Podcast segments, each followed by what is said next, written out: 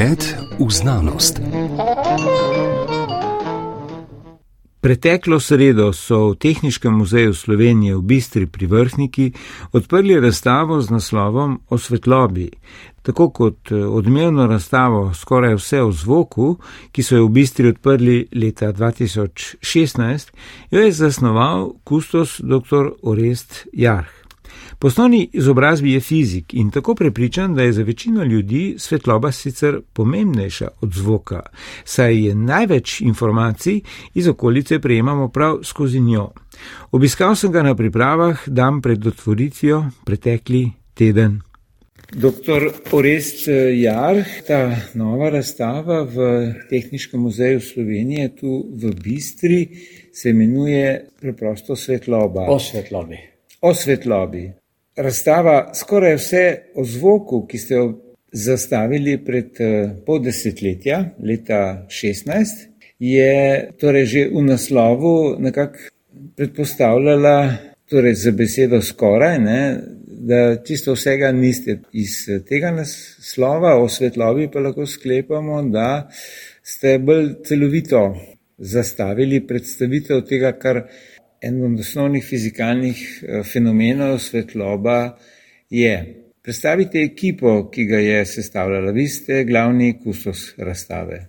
Ja, ta razstava je projekt kar eh, večjega, večje ekipe ali pa množstva ljudi iz Tehničnega muzeja Slovenije. Jaz sem eh, glavni avtor. Poleg mene je ogromno naredil naš mladi kolega Lauro Cigič, je zdaj tudi eh, redno zaposlen v Tehničnem muzeju Slovenije. Potem pa je bilo tukaj še udeleženih kar nekaj kustosov, eni z malo večjim prispevkom, eni z malo manjšim, ne, torej vsaj tri, štiri sodelavci so nam občasno pomagali. Eh, ker pa je razstava zastavljena tako, da je kar precej interaktivna, in eh, tako je tukaj bilo udeleženih praktično cela tehnična ekipa, našega muzeja, se pravi eh, služ, tehnične službe, ki so v večinoma naredile praktično doma te eksponate oziroma po naših načrtih. Pomembno vlogo tukaj so odigrali pa tudi restauratori, ker je na razstavi zelo veliko naših muzejskih eksponatov. Večina je naših, nekaj smo si jih sposodili in te je bilo treba zrestaurirati in da so zdaj predstavljeni tako, kot je potrebno. Tako da lahko rečem, da je to res projekt Tehničnega muzeja Slovenije. Torej, doktor Orest eh, Jarh, za razstavo o svetlobi v Tehničnem muzeju Slovenije ste nekako zastavili v okviru štirih osnovnih vprašanj. Katerih? Začetek razstave je res, eh, postavimo štiri osnovna vprašanja, na katere potem v razstavi, na razstavi skušamo odgovoriti. Prvo vprašanje je, kako vidimo. To ni bilo vedno jasno. Ne? Končni odgovor pa seveda je tak, da svetloba pade na nek predmet, od katerega se odbije in pride v človeško oko, in potem oko pa možgani to uh, sprocesirajo, da vidimo sliko takšno, kot je. Ne? Torej, svetloba je tisti medij, ki nam omogoča, da vidimo. Prav na začetku poti, ki vodi skozi razstavo v tej razstavni dvorani na dvoriščni strani muzeja, je oko. Tako. Človeško oko. Ne? Zdaj, nekako tako didaktično se pa v začetku sprašujete, oziroma postavljate, ne, da je človek v zadnjih, recimo od antike naprej, se spraševal, ali je svetloba valovanje, torej curek, ali je kaj. Torej, ali je valovanje, ali pa so to delci, curek delcev. Ne? To vprašanje se je nekako premljevalo, bom rekel, kar 2000 let. Ne? Od začetka tako ni bilo mogoče tega, ne, bom rekel, eksperimentalno preveriti, ne? ampak Krki so tako bili bolj filozofi in se niso ukvarjali z eksperimentiranjem. In praktično se je potem uh, od uh, srednjega veka pa vse do prejšnjega stoletja ta zgodba odvijala. Nekaj časa je prevladovala uh, teorija o tem, da je to valovanje, potem da je to curek delcev. Tega je zagovarjal znameniti Isaac Newton. In kasneje, potem z eksperimenti, ki jih je naredil Tomas Jank, se je izkazalo, da ima svetloba bolj lastnosti valovanja kot pa curka delcev. Torej, svetloba je kot taka takrat obveljala kot valovanje, bom rekel, podobno kot je valovanje zvok in kot je valovanje recimo na vodni gladini. Mhm. No, ampak Grki ne bi pa že vedeli, da je svetloba ena najhitrejših stvari na svetu. Ne? Točno tako, Grki so celo pravilno ocenili, da je svetloba najhitrejše, kar je na svetu. Niso bili pa eh, sposobni ugotoviti, ali je samo zelo, zelo hitra ali je mogoče neskončno hitra. Za ta odgovor je treba počakati pa še tudi nekaj, nekaj stoletij. Ne? Mhm. No, in kateri so tako skozi čas eh, najpomembnejši ljudje, ki so pripomogli ali pa omogočili ustrezno razumevanje tega, kar svetloba je? Torej, teh je bilo kar veliko, vseh tukaj niti ne predstavljamo, od eh, Demokrita, Aristotela, potem je bil, potem je bilo nekaj arabskih učenjakov v srednjem veku. Mogoče med tistimi prvimi že znameniti je seveda Galileo, ki sicer se ni ukvarjal s tem, kaj, kaj je svetloba, je pa je svetloba zelo koristno uporabljena, naprimer s teleskopom in podobno. Potem uh, Isaac Newton, kot se je rekel, on je, ugotovil, on je ugotovil, da je bela svetloba, ki prihaja iz Sonca, sestavljena iz večjih osnovnih barov, mavričnih barov. In nekako on je pravzaprav brez nekega zelo tehnega argumenta rekel, da je svetloba uh, curek delcev, pa je to kar nekaj časa obveljalo kot to, ker je bil pač on taka eminenca v, že svoj, za časa svojega življenja in pozneje. Ne. Potem je prišel Thomas Young, ki sem ga že omenil. Eh, on je pa ugotovil pri svetlobi podoben pojav, kot ga srečamo tudi pri zvoku ali pa tudi na vodni gladini, namreč da se valovanja med seboj kombinirajo.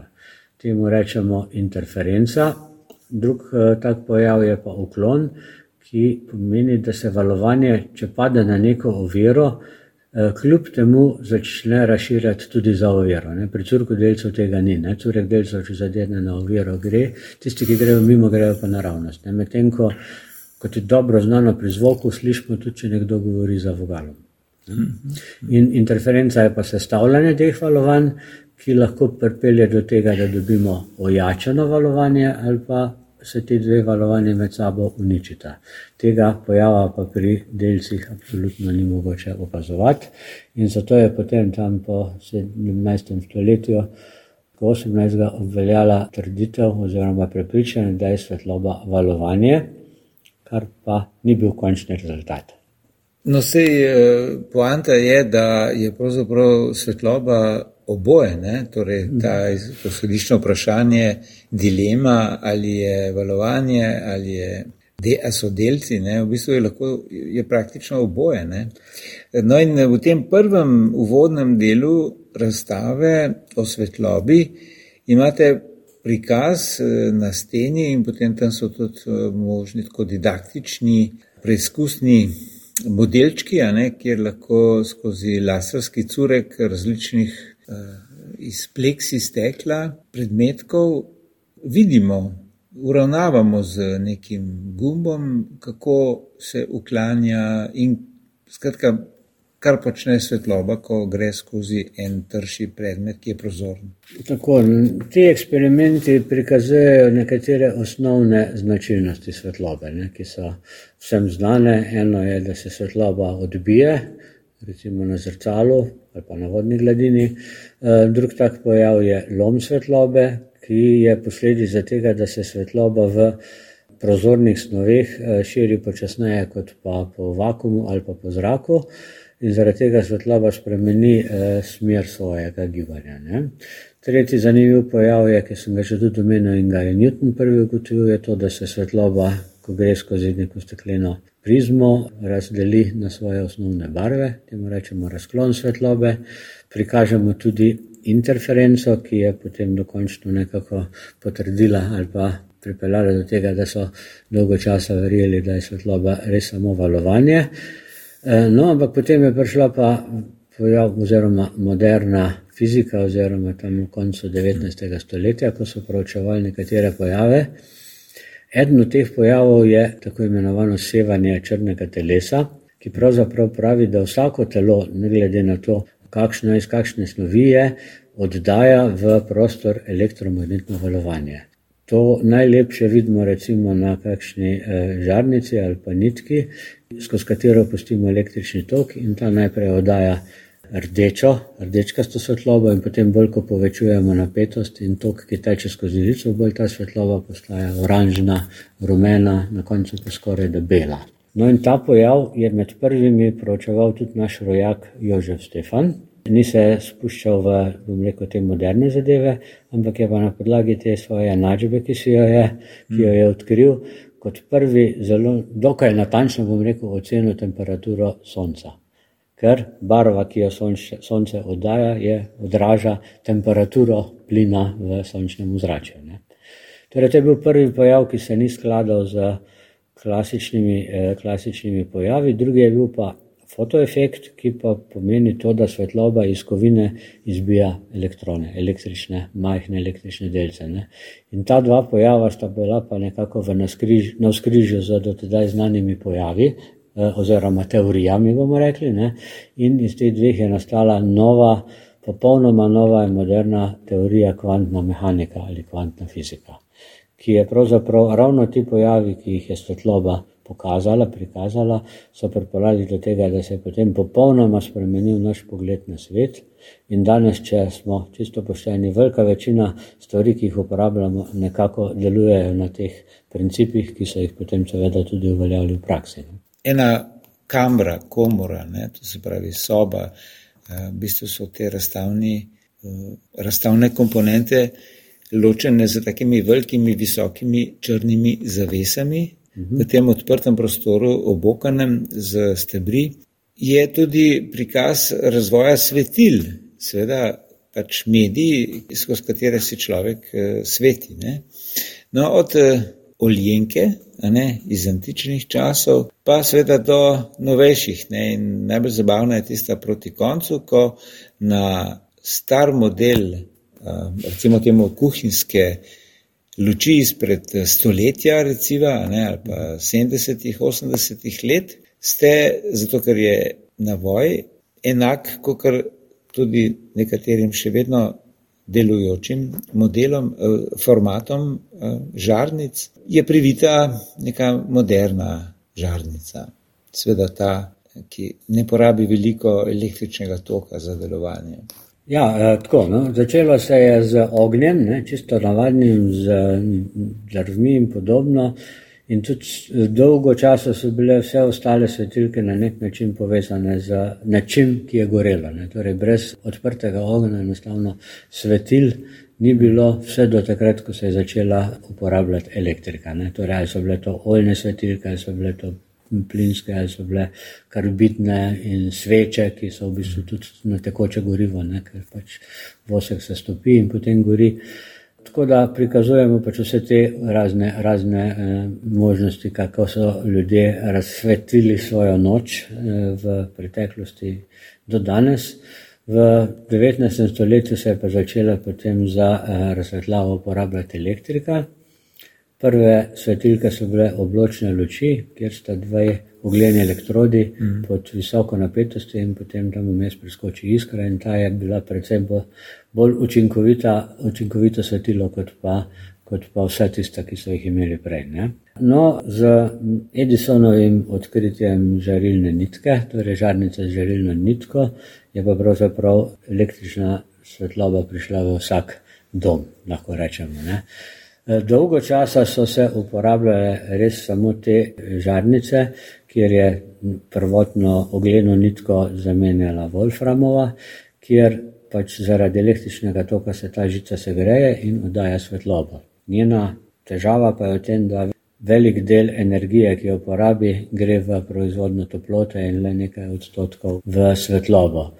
In spet, tako kot pri drugih tehnologijah, je tudi pri svetlobi z modernimi, oziroma razvojem modernih snovi materijalov, so se pojavile nove svetilke, nove variante, kot so recimo pač, no, halogena, je še vedno podobna kot prej, samo da je v atmosferi z, žlahtimi, z halogenimi plini. No, potem so se pojavile pa led žarnice in podobne zadeve, varčne žarnice, ki mm. so in tako naprej. To, varčne žarice niso čisto nova tehnologija, ampak so bile prilagojene za uporabo v naših napravah, do sodobnih let, žarnic in tako naprej. Ne. Je pa zanimivo, seveda, to, kar ste že vi omenili. Vse te žarnice uporabljajo pa za to, da jo damo v svetilko, čisto enak navoj, kot se je uporabljal že mogoče sto let nazaj. Sto let Zato smo nazaj, lahko ne. to naredili kot majhno provokacijo, pač, da ne bojo mm. tudi obiskovalci malo pozorni ugotovili, ki, ki je kakšne žarnice, ki pravzaprav ne sodi v svetilko, ki je stara. 50 let.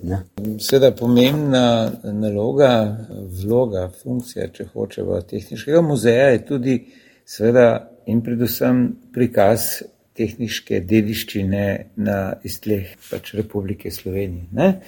In uh, na tej razstavi o svetlobi je kar lep del posvečen tudi saj, izrazitim predstavnikom zdaj marsikatere ne več delujoče tovarne, ki je proizvajala stvari, ki so le povezane z svetlobo, od uh, svetil pa do raznih optičnih naprav. Optična industrija je bila tukaj razmeroma močna. Točno. Zelo, zelo veliko te, tega je v Sloveniji bilo. Mi smo posebej se odločili pač predstaviti vse, kar, ali pa večino tega, kar imamo v naših zbirkah, in je bilo narejeno v Sloveniji plod domačega znanja. Na nekaterih področjih so bile naše tovarne v preteklosti, bom rekel, kar v svetovnem vrhu. Ne? Kaj povem, kot vem, da je bila Iskra Vega nekaj časa eden najbolj znanih svetovnih proizvajalcev raznih, razno raznih projekcijskih naprav, se pravi eh, episkopov, diaskopov, mm. grafoskopov, projektorjev in tako naprej. Potem je tukaj zelo, zelo pomemben delež, tudi laserska tehnologija, ki je bila tudi v Iskri oziroma elektrooptiki, to podjetje še danes deluje pod imenom Fotona. In eh, recimo zanimiva in zelo stara tovarna je tudi Saturnus, Hela Saturnus danes, ki je proizvajala svetlobno opremo za, predvsem za avtomobile in tako naprej. Ne.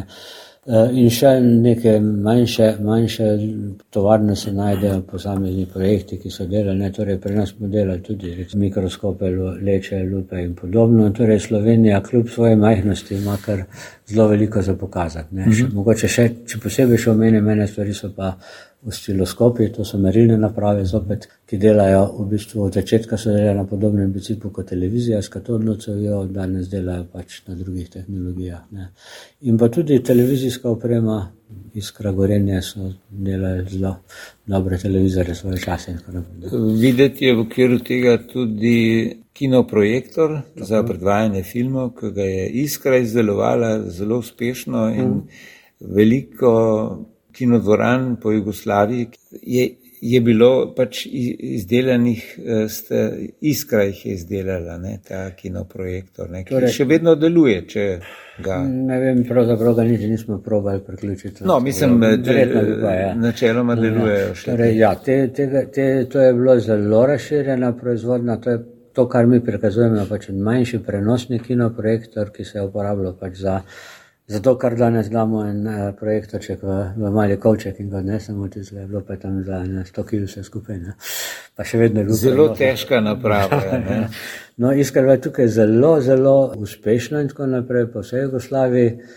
Zdaj, ker smo že ravno tukaj v bližini, moram reči, da sem pred kakim letom videl, recimo v lo, bližini v Logaco, v kino je kompletna oprema bila narejena v Iskri.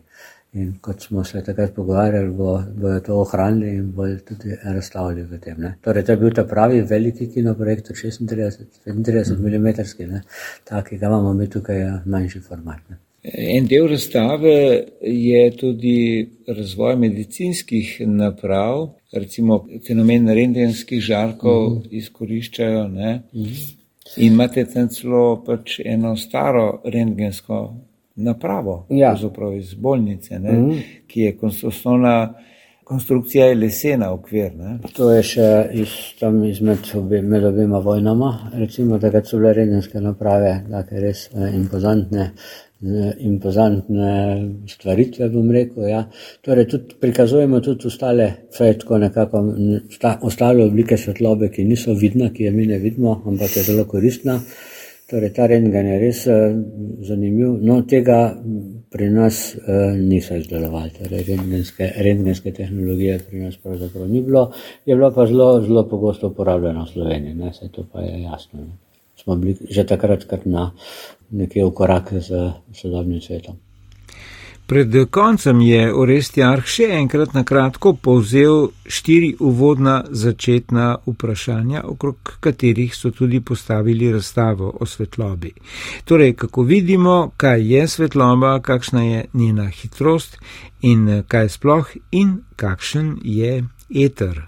Na prvo vprašanje sva že od začetka govorila, vidimo tako, oziroma zato, ker svetloba iz nekega vira, bodi si je to sonce ali pa umetno svetilo, pade na predmet, od katerega se bije, odbije v človeško oko, iz očesa gre pa to v možgane, kjer nastane slika. Drugo vprašanje je, kaj je svetloba? Ne? Tukaj smo ugotovili, da je. Torej, kako vidimo, kaj je svetloba? svetloba eh, kakšna je hitrost svetlobe in eh, je, kakšen je eter. No, prvo smo odgovorili, drugo smo prišli do najprej do zaključka, da svetloba je valovanje, kasneje se je pokazalo, kar je za nas težko razumljivo, da je svetloba lahko ali valovanje ali pa curek delcev. Kakšen odgovor dobimo, je odvisno od tega, kakšno vprašanje oziroma kakšen eksperiment naredimo. Torej, to je eh, nekaj, česar mi pravzaprav težko razumemo, ampak takšen je kot svet. Mhm. Eh, torej, glede hitrosti svetlobe, je bil odgovor v končni fazi takšen, da svetloba ima končno hitrost, 300 tisoč km/s, približno, torej ogromna hitrost. Da pa so imeli do neke mere prav tudi antični filozofi, ki so rekli, da nič ne more biti hitrejše od svetlobe. To še vedno velja, to je pa, eh, bom rekel, nekaj, kar je eh, ugotovil Albert Einstein in iz tega je nastala posebna teorija relativnosti za najbolj znano enačbo na svetu. In zadnje vprašanje, o katerem mogoče še niso nič omenila, je eter. Vsa valovanja, ki so jih poznali včasih, so zato, da svoj obstoj potrebovala neko sredstvo. Na vodni gladini je voda, zvok potrebuje zrak, po katerem se širi, lahko se tudi po vodi in tako naprej. In ker je bilo pač eh, nekako prepričanje, da je svetloba valovanje, so pač rekli, potrebujemo neko snov, po kateri se bo svetloba širila. In tako so si nekako izmislili ta eter, ki je vse povsod, pa ga drugače sploh ne zaznamo. Ne. Torej, zelo nenavadna, zelo nenavadna snov bi morala imeti čudne lasnosti in tudi to se je potem izkazalo, da etra pravzaprav ni. Čeprav radici še vedno znamo uporabljati izraz radijski eter. Seveda, tako je zakorenjen. Ta izraz se je zelo zakorenil, da gremo v veter in tako naprej. Je pač eh, beseda ostala, zgodba je bila zelo zanimiva, ampak dejansko svetloba za svoje razširjanje ne potrebuje sredstva. Ne. Celo ravno obratno, ne. v vakumu je najhitrejša, takoj ko pride v neko snov, prozorno se pa nekoliko upočasni. Razstava je torej zdaj od eh, prejšnjega tedna odprta. In uh, dokdaj bo odprta? Razstava, ja, odprli smo jo 5. oktober eh, in bo odprta do konca leta 2023, se pravi do 31. decembra leta 2023. Lahko se zgodi, da bo zadeva še nekaj časa dlje, odvisno pač od tega, kako bo šlo za prenovo bistre, ki je zdaj načrtovano, oziroma ne vemo še čisto točno, kako stvari stojijo. Vsekakor mi si želimo, da bi bila eh, prenova bistre v teku konec leta 2023 in da bi bila razstava še vedno tukaj. Doktor Rest Jarh, hvala za to osvetlitev nove razstave o svetlobi v Tehničnem muzeju Slovenije. Hvala in vabljeni na obisk. V Tehničnem muzeju Slovenije v Bistri sem bil Goran Tenzem.